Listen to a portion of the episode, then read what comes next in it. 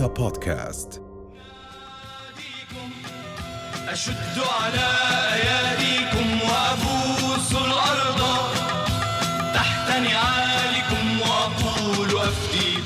اسمحوا لنا اليوم أن نرحب بأستاذ القانون الدولي الدكتور أنيس فوزي القاسم. أهلا وسهلا شكراً. بك دكتور أنيس. أهلين. بما أنه حضرتك اليوم الضيف الرئيسي علينا والضيف المميز الذي سيقدم لنا الكثير من التجارب والخبرات بما يتعلق بالقانون الدولي اسمح لي أن أقدم ولو نبذة صغيرة عن حضرتك. مواليد عام 1939 من قلقيلية حاصل على بكالوريوس في القانون في جامعة دمشق.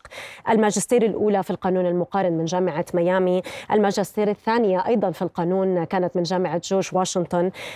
نقطة تحول وتحول كبير كانت لديك بما يتعلق عندما يعني قدمت رسالة الدكتوراه درجة الدكتوراه حصلت عليها أيضا من جامعة واشنطن صحيح. في القانون الدولي.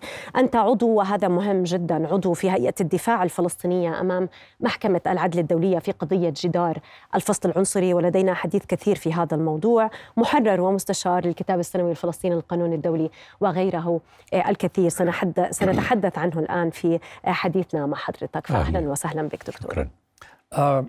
دكتور أنيس أهلا وسهلا. أنا فقط آه، إذا بدنا نعتبر آه، اللي تفضلت فيه زميلتي ميس آه، جزء بسيط يسير من آه،. سيرة ذاتية. أنا أود آه، أن أضيف بأنك كنت آه، جزء من ال- آه، خلينا نقول النشاط القانوني لمفاوضات آه، أوسلو. لا. وبعدين قدمت استقالتك. لا. لا. ابدا. قبل التوقيع. قبل ولا كان عندنا خبر منها.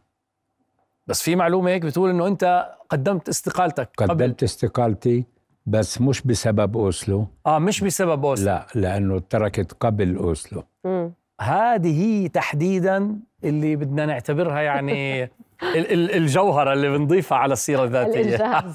وأنت حكيتها بنفسك. أهلا وسهلا فيك. هلا فيك.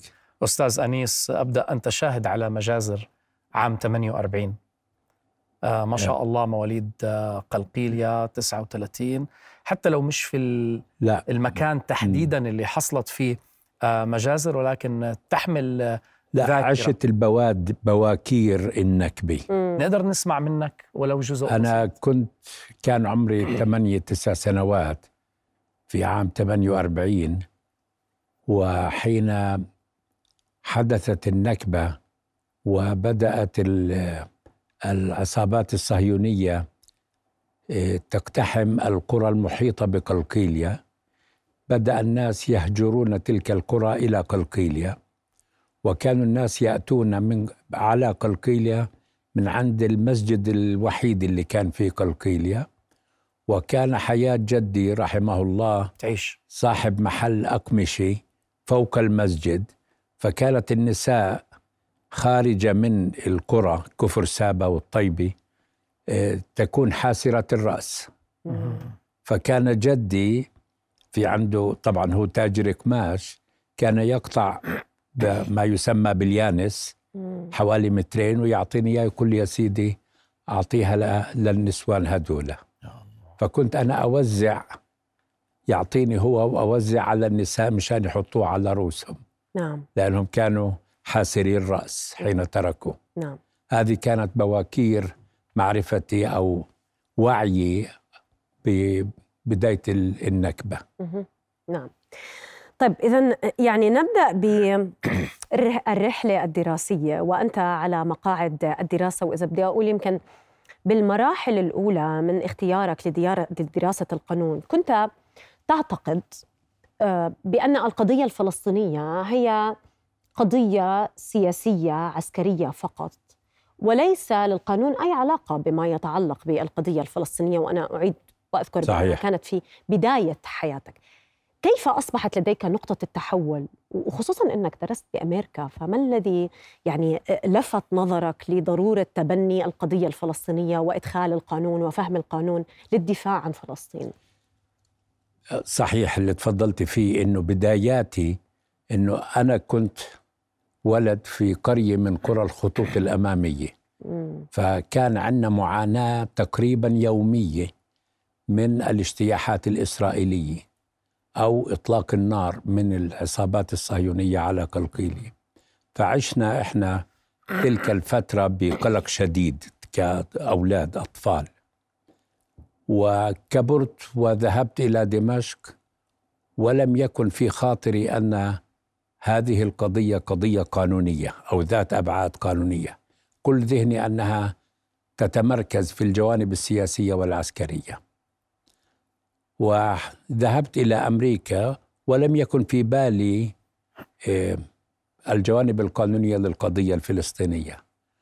وحين ذهبت إلى جامعة جورج واشنطن آه، في 68 وأنا بسجل بتعرفي لما تسجلي في الجامعة بتبدي من desk ل desk. مم. ففي أحد المرات في البنت بتقول لي أنت اللي جاي من الكويت؟ لأني أنا رحت على أمريكا من الكويت. قلت لها آه. قالت لي الأستاذ توم ماليسون بده يشوفك قبل ما تسجل. ما لا أعرف الرجل ولا أعرف اسمه. فوصفتني وين أروح؟ رحت. دخلت على مكتبه وجدت شخص أطول مني بحوالي قدم. وقلت له أنا فلان. تفضل. وتعرف علي. وبعدين سألني أنت فلسطيني؟ قلت له يس فشو ناوي تدرس إلى آخره؟ صار في حديث عادي. بعدين انتقل إلى سؤالي ماذا سوف تدرس؟ قلت له أنا بدي أدرس قانون دولي وهذه رسالة الماجستير يعني آه، درجة الماجستير اللي أنا بسجل فيها. قال لي عن إيش بدك تكتب أنت رسالتك؟ قلت له أنا بتعرف جاي من العالم العربي والعالم العربي في تسعة آلاف كيلو متر من شواطئ المياه من الشواطئ على البحرية. وفي ذهني أكتب شيء عن قانون البحار لأنه عندنا شواطئ عديدة. فشعرت إنه هو يعني زي انتفض هيك. قال لي أنت شاب فلسطيني بدك تدرس في قانون البحار. في البداية بتعرف أنا لأنه الجو العام في أمريكا لما رحت جو سم. جو كثير إرهاب. خصوصا لشاب فلسطيني ورحت أنا في فترة آه، حرب 67 يعني. مم. فقلت له يعني هذا الإشي اللي أنا مهتم فيه. قال لي أنت شاب فلسطيني لازم تهتم بالقضايا القانونية. قلت له بس في مجتمع مثل المجتمع الأمريكي هذا الشيء تقريبا محرم. قال لي من قال ذلك؟ قلت له يعني أنا صار لي سنة هنا لأني مضيت سنة في ميامي والجو كان جوا يعني إرهاب إنك تقول إنك فلسطيني أو عربي. فبدأ يناقشني في الموضوع و... ويفتح لي نوافذ. بعدين ناولني دراسة هو عاملها. في الأربعة وستين. والدراسة كانت مثيرة جدا اسمها آه، موضوع الشعب اليهودي بين قوسين. آه، ادعاء إنه يمثل الشعب اليهودي الحركة الصهيونية تمثل الشعب اليهودي. مم. أعطاني الدراسة وهديك ال- يعني رحت كملت تسجيلي. هديك الليلة يعني أصرفت وقت طويل حتى في لساعات الفجر الأولى وأنا مأخوذ بتلك الدراسة لأنه في جوانب قانونية عمرها ما خطرت على بالي عمري ما درستها وأنا في جامعة دمشق وبالتالي فتحت لي نوافذ. مم. وأمضيت يومين وأنا أدرس في تلك الدراسة وهي دراسة طويلة على فكرة وأثارت اهتماماتي.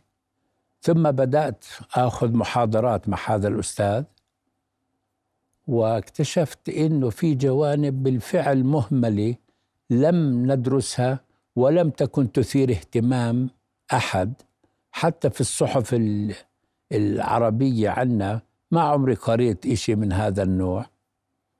لأنه كنا ندرس مثلا قانون هيئة الأمم المتحدة مثلا. يجيب أمثلة تطبيقية. الأمثلة التطبيقية تكون عن إسرائيل أو الحرب الإسرائيلية العربية أو حرب 67 مم. آه القانون ال- ال- هيئة الأمم المتحدة مثلا كيف تقبل الدولة في هيئة الأمم؟ نعم. يأخذ التطبيق العملي على هذا الموضوع كيف قبلت إسرائيل. وشروط قبولها. هذه أول مرة تنتبه لهيك ب- مسائل. بتحكي عن القانون الدولي المادة العام القانون العام إيه، قانون الحرب. كيف صارت حرب 67 وهل تعتبر إسرائيل دولة محتلة أم لا؟ مم. نعم. وهكذا. أنت شعرت إنه خلص يعني شدك لل شدني تماما لأنه بالفعل فتح لي بوابات. مم. هناك درسوا طلبة عرب معك آه ال- كان في إقبال على دراسة القانون الدولي من طلبة لا. عرب من أي دول كانوا إن كان؟ الصحيح يعني لسوء حظي ما كانش طلاب عرب يدرسون قانون. كان في طلاب عرب كثيرون في تلك الفترة يدرسون هندسة وطب وعلوم سياسية و... و- يعني كل المواد لكن لم يكن إلا طالب واحد من سوريا يدرس قانون. شو السبب برأيك؟ أنا بعتقد الثقافة العامة عنا إنه القانون تدرسيه هو القانون اللي بندرسه إحنا في الليسانس اللي هو قانون الإيجارات والعم والعمل آه. والأشياء الداخلية. نعم. لكن ما بت- ما بعطونا يعني مثلا أنا درست قانون دولي في جامعة دمشق واللي درسنا إياه أستاذ الله يرحمه تعيش. متميز. الدكتور عزيز شكري. وهو سوري. وخلص من أمريكا. لكنه لم يثر في المواضيع التي كان يثيرها في المحاضرات. أي موضوع يتعلق بالقضية الفلسطينية. واو. فأنا كل دراستي اكتسبتها والفضل فيها يعود إلى هذا الأستاذ. الله يرحمه تام ماليسون اللي كان أطول منك اللي كان أطول مني ما شاء الله طولك إيه. دكتور يعني آه، بس هو كان نعم. يعني طويل. ف هو اللي لفت انتباهي هو اللي أثار اهتمامي بعدين اكتشفت إنه كل موضوع من مواضيع القانون الدولي تقدر تأخذ تطبقها على القضية على الفلسطينية فلسطين القضية نعم،. وال يعني مشينا في هذا الطريق نعم. وما زلنا الله يعطيك الصحة يعطيك الصحة أهلين. طيب بما أنه آه، بدأ العمل في القضية الفلسطينية يعني أود أن أشير إلى هذا الإنجاز الذي قدمته مع مجموعة من يعني الفريق الفلسطيني أنت عملت كمحامي آه، ضمن الفريق الفلسطيني ضد جدار الفصل العنصري الجدار العازل آه، في آه، دولة الاحتلال في فلسطين هذا قدمتوه أمام محكمة العدل الدولية ربحتم القضية نعم. أمام محكمة العدل الدولية بصدور فتوى بعدم شرعية الجدار صحيح. يعني محكمة العدل الدولية قالت بأن هذا الجدار غير شرعي هو جدار صحيح. فصل عنصري صحيح طب الجدار ما زال قائم ليش؟ لا الجدار ما زال قائما القانون الدولي مثله مثل أي قانون محلي يعني قانون الإيجارات في الأردن مثلا إذا إيه، إذا أنا مأجر شخص وما دفعش الأجرة بدي أخليه. ما بجيش أقول له تفضل روح اطلع. بدي أروح على المحكمة. وفي إجراءات وبصدر الحكم ضده وبعدين بدك تنفذه. فإذا لم أتحرك أنا صاحب الحق ما حدا راح يحركه. هو مبسوط. فالقانون الدولي كمان بده أجهزة تحركه مم. ولذلك مثلا مثل قضية ال- الرأي الاستشاري في قضية الجدار. ما حدا استفاد أو حاول يستفيد في القيادة الفلسطينية من مسألة الجدار. إنه هذا الجدار سوف يؤثر على التركيبة الديمغرافية والسياسية والوحدة الإقليمية للأراضي المحتلة والتقسيم الذي سببته ومصادرة المياه التي آه، الإسرائيليون نهجوا لابتزاز المياه الفلسطينية. ولم تتحرك القيادة الفلسطينية للاستفادة من هذا الرأي الاستشاري. كان بإمكانه حتى أن في الرأي الاستشاري محكمة العدل الدولية قالت وعلى إسرائيل أن تعوض أصحاب الأراضي التي تضرروا من مرور الجدار في أراضيها. ومع ذلك لم تستفد السلطة من هذا القرار. وأهملته علما بأن محكمة العدل الدولية وضعت السابقة التي تستهدي بها آه، أصحاب المصالح الفلسطينيين لكيف يطالبوا بالتعويضات. كمان عن أي نعم. ومع ذلك أهمل. ولم نستفد من هذه الفتوى القانونية علما بأنها فتوى في في اعتقادي أنها كتبت بماء الذهب. طيب دكتور آه، بتعرف كلامك بخليني أروح لمصطلح إحنا بنردده كتير وربينا عليه موضوع إنه آه، بقوة القانون. يس بقوة القانون قوة القانون قوة. هلأ بتقول لي القانون بده ذراع قوي. طبعا. طب اليوم يعني كلامك عماله بيفهمني إنه القانون الدولي بدون قوة. يعني هو فقط قانون دولي بدون قوة. طب أنا اليوم يعني ضروري أستثمر في القانون الدولي إذا ما كان عنده قوة؟ خلص لا. بروح بستثمر بالقوة. لا. وأنت فاهم شو قصدي. يس يا. الاستثمار بالقوة هي المقاومة. يا الاستثمار بالقوة بالمقاومة صحيح مية في المية ولا جدال في ذلك. لكن الاستثمار في القوة دائما تحتاج إلى قانون يدعمها. يعني استخدام القوة بدون قانون هي عملية بطش. بلطجة. بلطجي زي من لا. اللي قبالنا ببلطجة. بالضبط. بس إحنا بدنا القانون يكون جزء من القوة الشرعية في المقاومة. يعني الآن اللي بقول لي إنه آه، ما قامت به المقاومة الفلسطينية في غزة هو عدوان هذا كلام سخيف. كلام آه، لا أساس له في القانون لأنه أنا تحت الاحتلال. وكل مقاومة مشروعة. وإذا اتبع العدو, العدو الصهيوني أساليب إرهابية القانون بيسمح لي أن أرد عليه بأساليب إرهابية أيضا. نعم. يعني الإرهاب المضاد هو مشروع. مم. الإرهاب اللي بتمارسه إسرائيل غير مشروع لأنه يخالف قانون الاحتلال.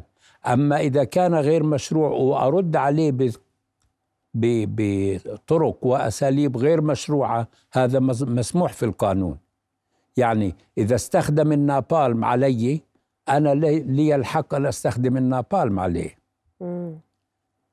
لذلك يعني بدنا نفهم القانون ما هو يعني حتى نكون صريحين.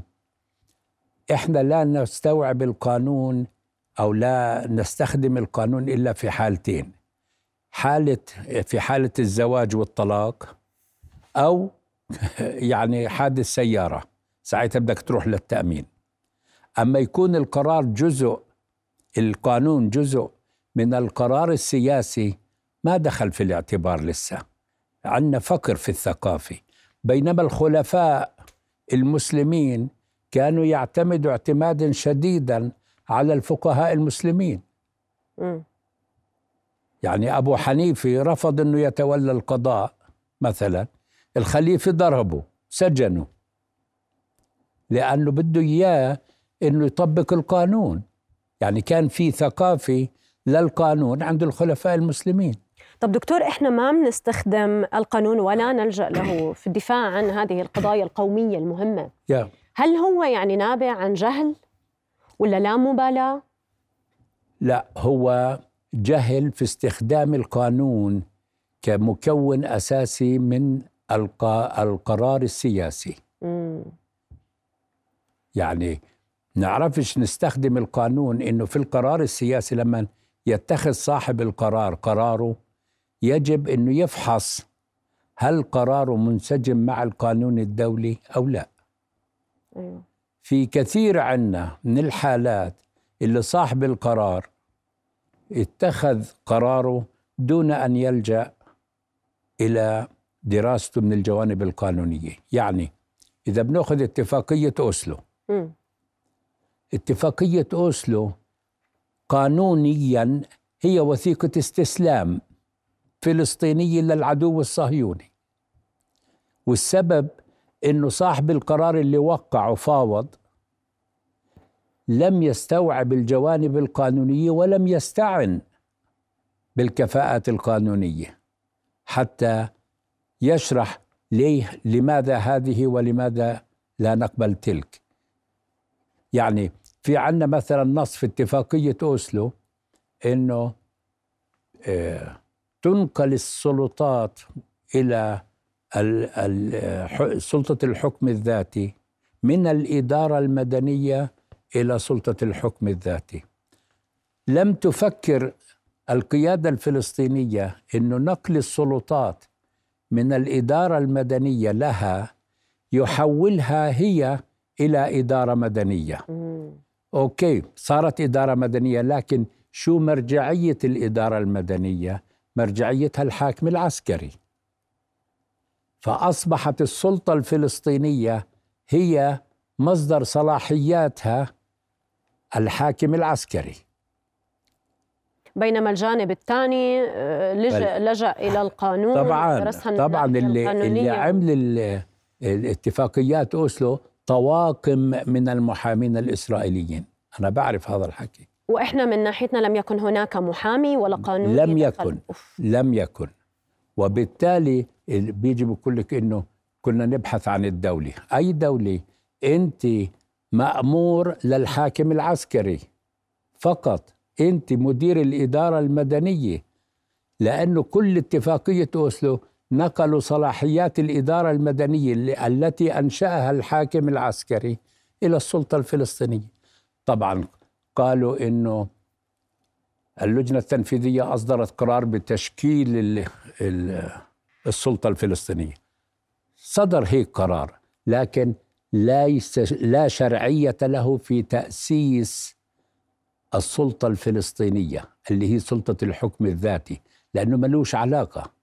اللي أنشأه الحاكم العسكري. لذلك أبو مازن كثيرا ما يردد وهو صادق في ذلك إنه أنا لا أستطيع أن أصل إلى مكتبي دون موافقة ضابط الاحتلال وهو صحيح. لأنه هو مرتبط هو سلطة إدارة مدنية فقط لا غير والإدارة المدنية تتبع الحاكم العسكري. يعني الكثير من التفاصيل Yes. بفهم تماما تماما. يعني خلاصة هذا الجزء من الحديث قديش يمكن مهم إنه ننور الصبايا والشباب من الجيل ال- القادم والطالع من أبنائنا، اليوم إحنا أمام قضايا أو استحقاقات كبيرة في أمتنا العربية بشكل بشكل عام، قديش لازم نفهمهم ونهيئهم ونحاول نفتح لهم أبواب ونوافذ للتعمق والدراسة والاختصاص أكثر في القانون الدولي، لابد أن يكون لنا لاعبين كبار في المستقبل من أبناء جلدتنا في هذه المساحة. نحن الآن يعني فعلا أمام آه، مدرسة في القانون آه، نستزيد العفو. منها نتعلم منها ليس فقط يعني هذه الرسائل التي يقدمها الدكتور وهذه الخبرة والمعرفة اللي بيقدمها اليوم الدكتور أنيس وما عم بحكي لك دكتور أنيس أمامك أو بوجهك ولكن هي ليست فقط للحقوقيين والقانونيين على كل المواطنين أينما كانوا وخاصة العرب أن تفهموا ماذا يعني لنا القانون كيف نستطيع أو كيف نتمكن من استخدام القانون كأداة وسلاح للدفاع عن القضية الفلسطينية. دكتور جميع الأنظار تتجه الآن إلى جنوب إفريقيا في Yeah. الدعوة التي ضد دولة الاحتلال الإسرائيلي لارتكابها جريمة إبادة جماعية واضحة وصريحة. يعني ما حدا بقدر يختلف على هذه الجريمة التي قدمتها آه، التي قامت بها دولة الاحتلال. هلا اللي بيقرأ التحليلات داخل دولة الاحتلال الإسرائيلي يجد بأن القيادة الإسرائيلية ويمكن لأول مرة هي قلقة ومهمومة من صح. هذه الدعوة. احكي لنا عن أهمية وجدية هذه الدعوة. شو رح يكون أثرها على الأرض؟ آه، بداية أود أن أوجه الشكر العميق والاحترام الكبير لجنوب إفريقيا. هذه خطوة تاريخية ومهمة في تاريخ القضية الفلسطينية. ونأمل أن تمضي جنوب إفريقيا بهذه الدعوة إلى النهاية. طبيعة الحال لا أحد يضمن النهايات أو القرار في النهاية. هذه محكمة دولية وتتمتع بمصداقية عالية.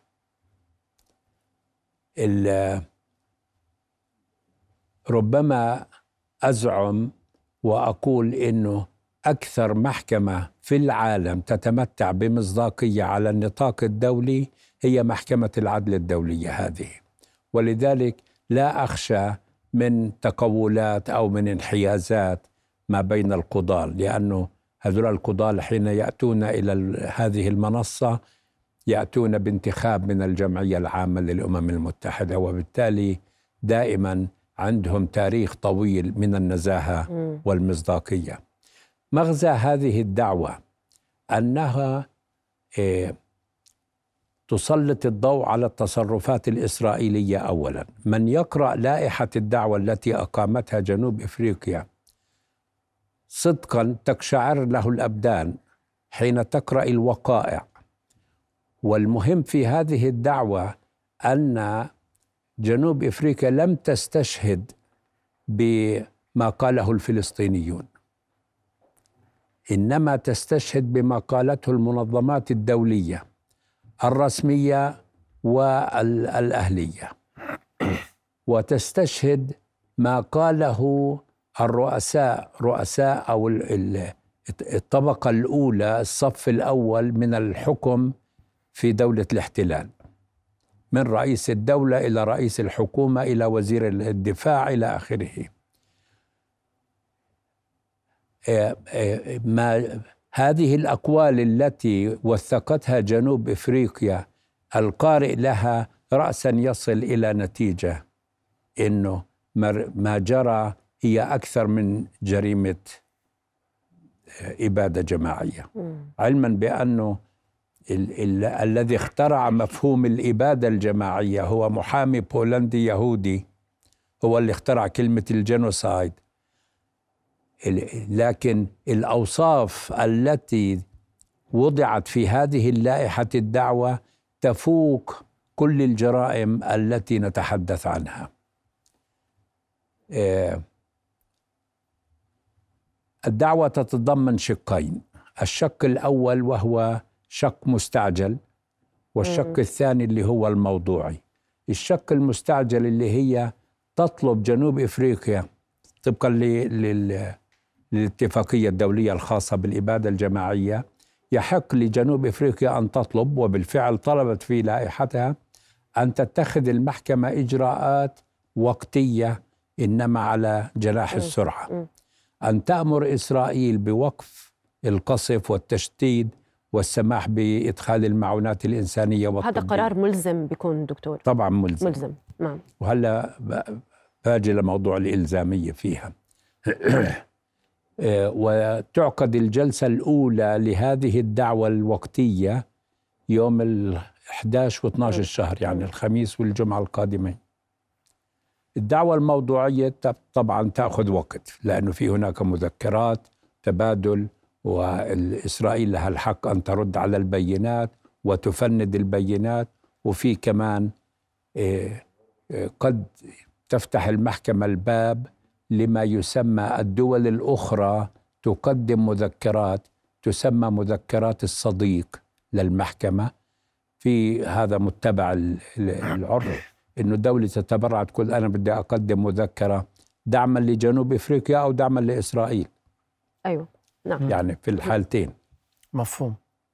آه آه لكن في دول كمان قد تنضم وتتدخل في الدعوة وتصبح طرفا في الدعوة آه تأييدا لجنوب إفريقيا أو تأييدا للجانب الإسرائيلي.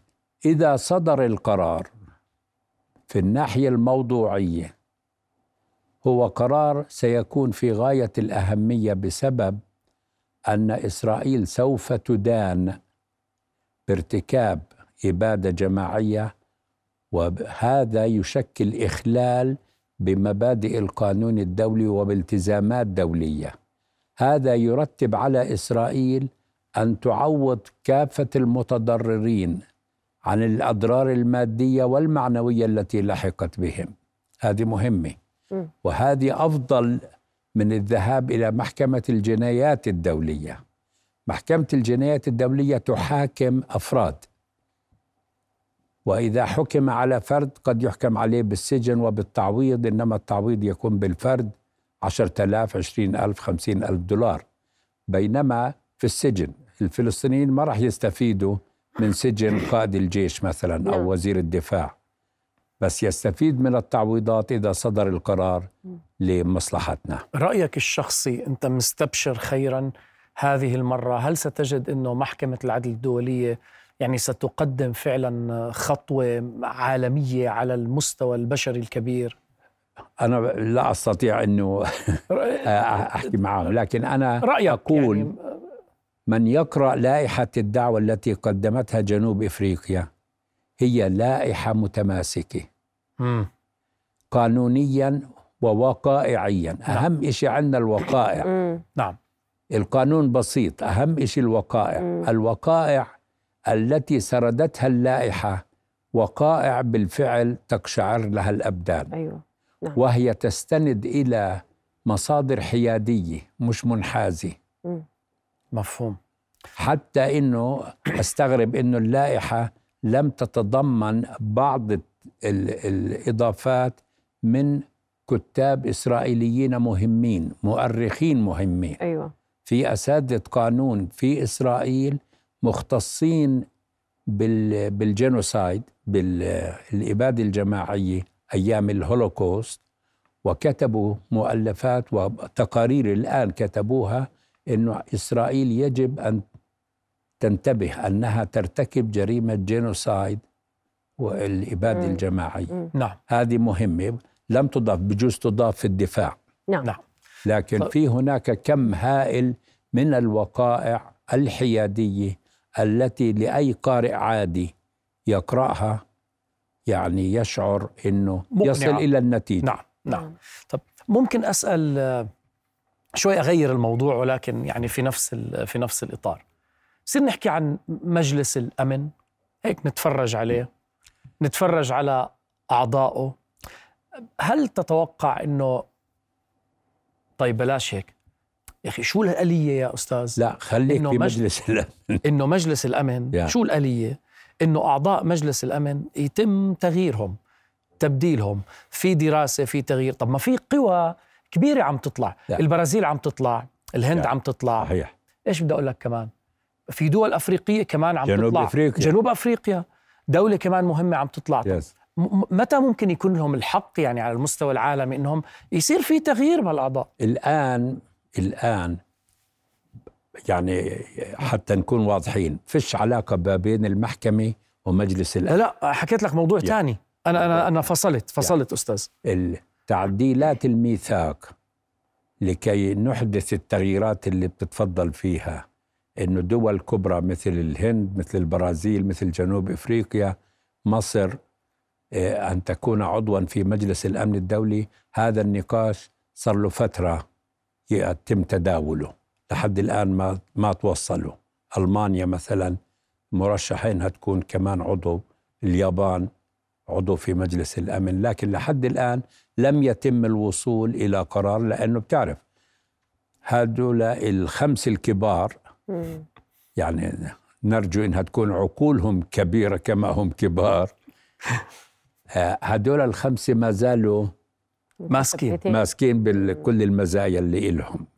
وبجوز صعب إنهم طب يعني شو بد- مثلاً. بدنا نستنى مثلا انهيار اقتصادي لإحدى هؤلاء الكبار لربما هذه الطريقة الوحيدة الآن بتعرف ما هي في لعبة قوة سياسية بتصير اعتبارات سياسية وقوة سياسية لما أنشئت مع عص- هيئة الأمم المتحدة أنشئت بالأساس من هدول ال- الأربعة ثم انضمت الصين بعدين لما تم الاعتراف بالصين الشعبية. بس هدول هذا النادي الدولي اللي أعطيوا الفيتو لكي لإحداث التوازن. لكن هذا التوازن كان ما بين المعسكر الغربي والمعسكر الشرقي. الآن فيش معسكر شرقي. في روسيا الآن. وروسيا الآن بتحاول إنها تشكل هي والصين بالتعاون مع بعض الدول الأخرى يعني زي قطب جديد ينافس. حتى الآن في طور التكوين. نعم. نأمل أن ينجحوا في ذلك. مفهوم. طيب دكتور أيضا في موضوع آخر ويختص بالأردن. يعني نحن نتابع بأنه هناك منذ فترة طبعا يعني الموضوع مش جديد ولا من من حرب غزة. هناك انتهاك صارخ وواضح من قبل دولة الاحتلال الإسرائيلي ممثلة بمستوطنينها مس- ممثلة بجنودها بجيش الاحتلال. لهذا الانتهاك آه، للوصاية الهاشمية على المقدسات الإسلامية والمسيحية في القدس. ماذا تملك الأردن من خيارات قانونية لرد هذا الانتهاك الصارخ الذي تسعى إليه آه، دولة الاحتلال لنزعه بالقوة من الأردن؟ آه، أشكرك على هذا السؤال. هذا سؤال مهم جدا خصوصا في الظروف اللي إحنا. إذا إحنا بنروح لمعاهدة وادي عربة وادي عربة تنص على أن فيها نص صريح وواضح أن إسرائيل تحترم الوضع ال- ال- القائم حاليا. للأردن. وبعتقد أن الأردن استنادا لهذا النص بإمكانها أنها تذهب للتحكيم مع إسرائيل لأنه احترام كلمة احترام هو التزام على إسرائيل أكثر ما هو التزام على الأردن. كلمة احترام اختيارها ذو مغزى فإسرائيل تحترم هو التزمت فيه سواء الأردن قبل بهذا الاحترام أو لم يقبل بس هي التزمت باحترام هذا الدور. ثانيا هي تحترم الوضع الحالي للأردن. ماذا كان الوضع الحالي في عام 94 الوضع الحالي في 94 رسموا مشي ديان بصفة وزير الدفاع والمسؤول الأول عن الأراضي المحتلة.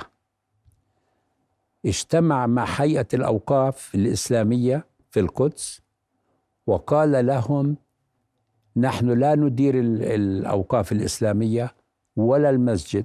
هذه دوركم ومسؤوليتكم وطلب من الجنود أن ينزلوا العلم الإسرائيلي عن قبة الصخرة. تأكيدا لدور الأردن في إدارة المقدسات. واستمر الأوقاف الأردنية في إدارة المقدسات. تنظم آه، السواح. وإذا جاءت سيدة بدها تزور الأماكن المقدسة ولم تكن تلبس لباسا محتشما كانت الأوقاف تطلب منها أن تلبس لباسا محتشما. كانوا يعطوها حتى عباء. و- وما زالت هاي الخدمة موجودة. وكانت الأوقاف تقتضي رسوم الدخول. وكانت تصون الأوقاف وتصلح الأوقاف. وإذا تخلخل بعض الأحجار أو الكذا كانت الأوقاف ال- الأردنية. الآن هذه الأوقاف بالمقدسات الإسلامية أصبحت منتهكة يوميا تقريبا بالمستوطنين. بدخلوا على الأقصى طبعا. ويعيثوا فسادا. يوميا. ولذلك أنا أتمنى على الحكومة الأردنية أن تبادر لأنه حسب اتفاقية وادي عربة أي خلافات بيناتهم تعود إلى التحكيم. أتمنى على الإدارة الأردنية أن تذهب إلى التحكيم. إذا مصر ذهبت للتحكيم من شان كيلو متر مربع من الرمل. صح هو رمل من رمال الوطن ومحترم ومقدس لكن الأولى على الأردن أن يذهب للتحكيم حماية لأولى القبلتين وثالث الحرمين. لأنه إذا لم يذهب الأردن سوف يتمادى المستوطنون أكثر فأكثر. وإحنا بنلاحظ ازدياد العنجهية والغطرسة الإسرائيلية كلما مر الوقت دون التصدي لهم. بس الصوت الأردني يعني عالي تجاه هذا الموضوع. يعني متابعة آه، يعني عشان نحكي بموضوع قانوني متابعة يعني الخارجية تبعت تبعيتنا يعني قعدت لهم. يعني بيانات الخارجية صحيح. آه التواصل آه استدعاء وغيره هذا موجود بما يخص صحيح. ولكن قصدك إنه يكون في تسجيل هالم... يعني يكون في عمي اشتباك قانوني. يعني طبعاً. هذا اللي بفهمه منه. طبعا. ما هو؟ اشتباك قانوني بما يخص الأقصى. ما تقول حول الموقف الأردني سليم صحيح لا غبار عليه. لكن كما تصرح وتصدر بيان وتصدر مذكرة احتجاج كمان فيك تروح للتحكيم لأنه التحكيم أداة سلمية. ونصت عليها المعاهدة اللي بيننا وبينهم. إنه إذا اختلفنا بنروح للتحكيم. إحنا بدناش يعني ننزل معارك معاهم بس بدنا نستخدم الأداة المتوفرة حسب اتفاقنا الطرفين. اتفاقنا نروح للتحكيم. مفهوم. نعم. وأنا بعتقد أنا بعتقد إنه من وجهة نظري ويعني بإمكان الحكومة طبعا عندها محامينها وتستعين بمن تشاء إيه، إنها تستشيرهم حول الموضوع. هل في فرص نجاح للحكومة الأردنية في مثل هذا التحكيم أم لا. بس يجب استغلال هذه الأداة دون تأخير. نعم. دكتور تبقى لدينا ما يقارب الدقيقة والنصف. أعجبني جدا عندما قلت لي لو لم تكن غزة لكان يجب أن نخترعها. يس نرجع بنقول بأن المشهد قاتم قاسي جدا. الكثير من الدم ما زال ينزف Yes. من إخواننا الفلسطينيين في غزة وفي الضفة الغربية ولكن المشهد في غزة مؤلم جدا. لكن ماذا ترى من إيجابيات فيما حصل في غزة خصوصا هذه الجملة اللي قلت لنا إياها؟ لأنه غزة أولا ثقفت الجيل العربي كله بداية. قضية فلسطين غيبت في آخر 10 15 سنة غيبت. الآن الجيل هذا اكتشف فلسطين وبدأ يقرأ ويثقف نفسه. ثانيا وأهم والمهم أن العالم الآن يكتشف فلسطين. الآن في هناك انتفاضة عالمية تسمى انتفاضة الفلسطينية. أينما تذهبي في العالم الآن صحيح. عندك إشي اسمها القضية الفلسطينية. وأصبح اليهود الآن الأمريكان اليهود الأمريكان أكثر الناس نشاطا في الدفاع عن شعبنا. هذا مكسب كبير لأنه كانوا اليهود مغيبين وكانت غيبتهم الصهيونية المجرمة هذه. لكن اليهود الذين يلتزمون بالأخلاق اليهودية الدينية والروحية وإلى آخره هم اللي بقودوا أصبحوا المظاهرات ضد الصهيونية نفسها. نعم. نعم. وبالتالي هذا الحدث اللي هو أصبح العالم يعيش انتفاضة فلسطينية. كاملة. نعم. وين ما تطلع في مدن العالم في علم فلسطيني صحيح. وفي أناشيد فلسطينية وفي الكوفية أصبحت الآن شعار في العالم. نعم. يا. آه، دكتور أشكرك جدا العفو. جدا على حضورك. آه، نحترم العلم اللي قدمته. اليوم. آه، نشكرك على الإفادات اللي أفدتنا فيها بصراحة. ونورت حلوة يا دنيا على أمل أنه نلتقي شكراً. إن شاء الله. في مناسبات أفضل آه، مع اسم كبير مثل حضرتك. نفتتح آه، موسم من مواسم حلوة يا دنيا وإن شاء الله عام شكراً. 2024 يكون عام خير على الجميع شاء الله بإذنه تعالى إن شاء الله إن شاء الله إن شاء الله نحتفل وإياك دكتور بالنصر شاء بربح الدعوة التي تقدمها قدمتها. الآن يعني نتابع جنوب أفريقيا آه، إن شاء. الله بنربح صح آه، هذه الدعوة ومن ثم سيتغير المشهد ولا بد أن يتغير إن المشهد الله. وأن يتم القضاء يعني على هذا الظلم المتغلغل من قبل الكيان الصهيوني شكرا, شكراً لك دكتور لك. أنيس القاسم. أهلا وسهلا بك شكرا هلا. وأبوس الأرض تحت أفديكم وأهديكم ضياع عيني ودفء القلب أعطيكم. وأهديكم رؤيا بودكاست.